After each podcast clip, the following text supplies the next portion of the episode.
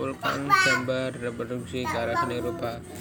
Dua dimensi dari berbagai sumber kemudian berikan nama berupa jika ada. Ada medium. Kemudian juga memahami tentang berkembang. Medium.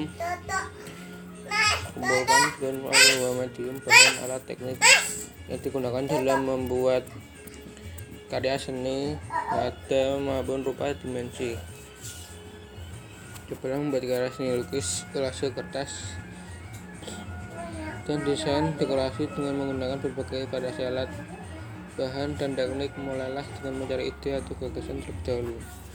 Kemudian buatlah beberapa sketsa rancangan dari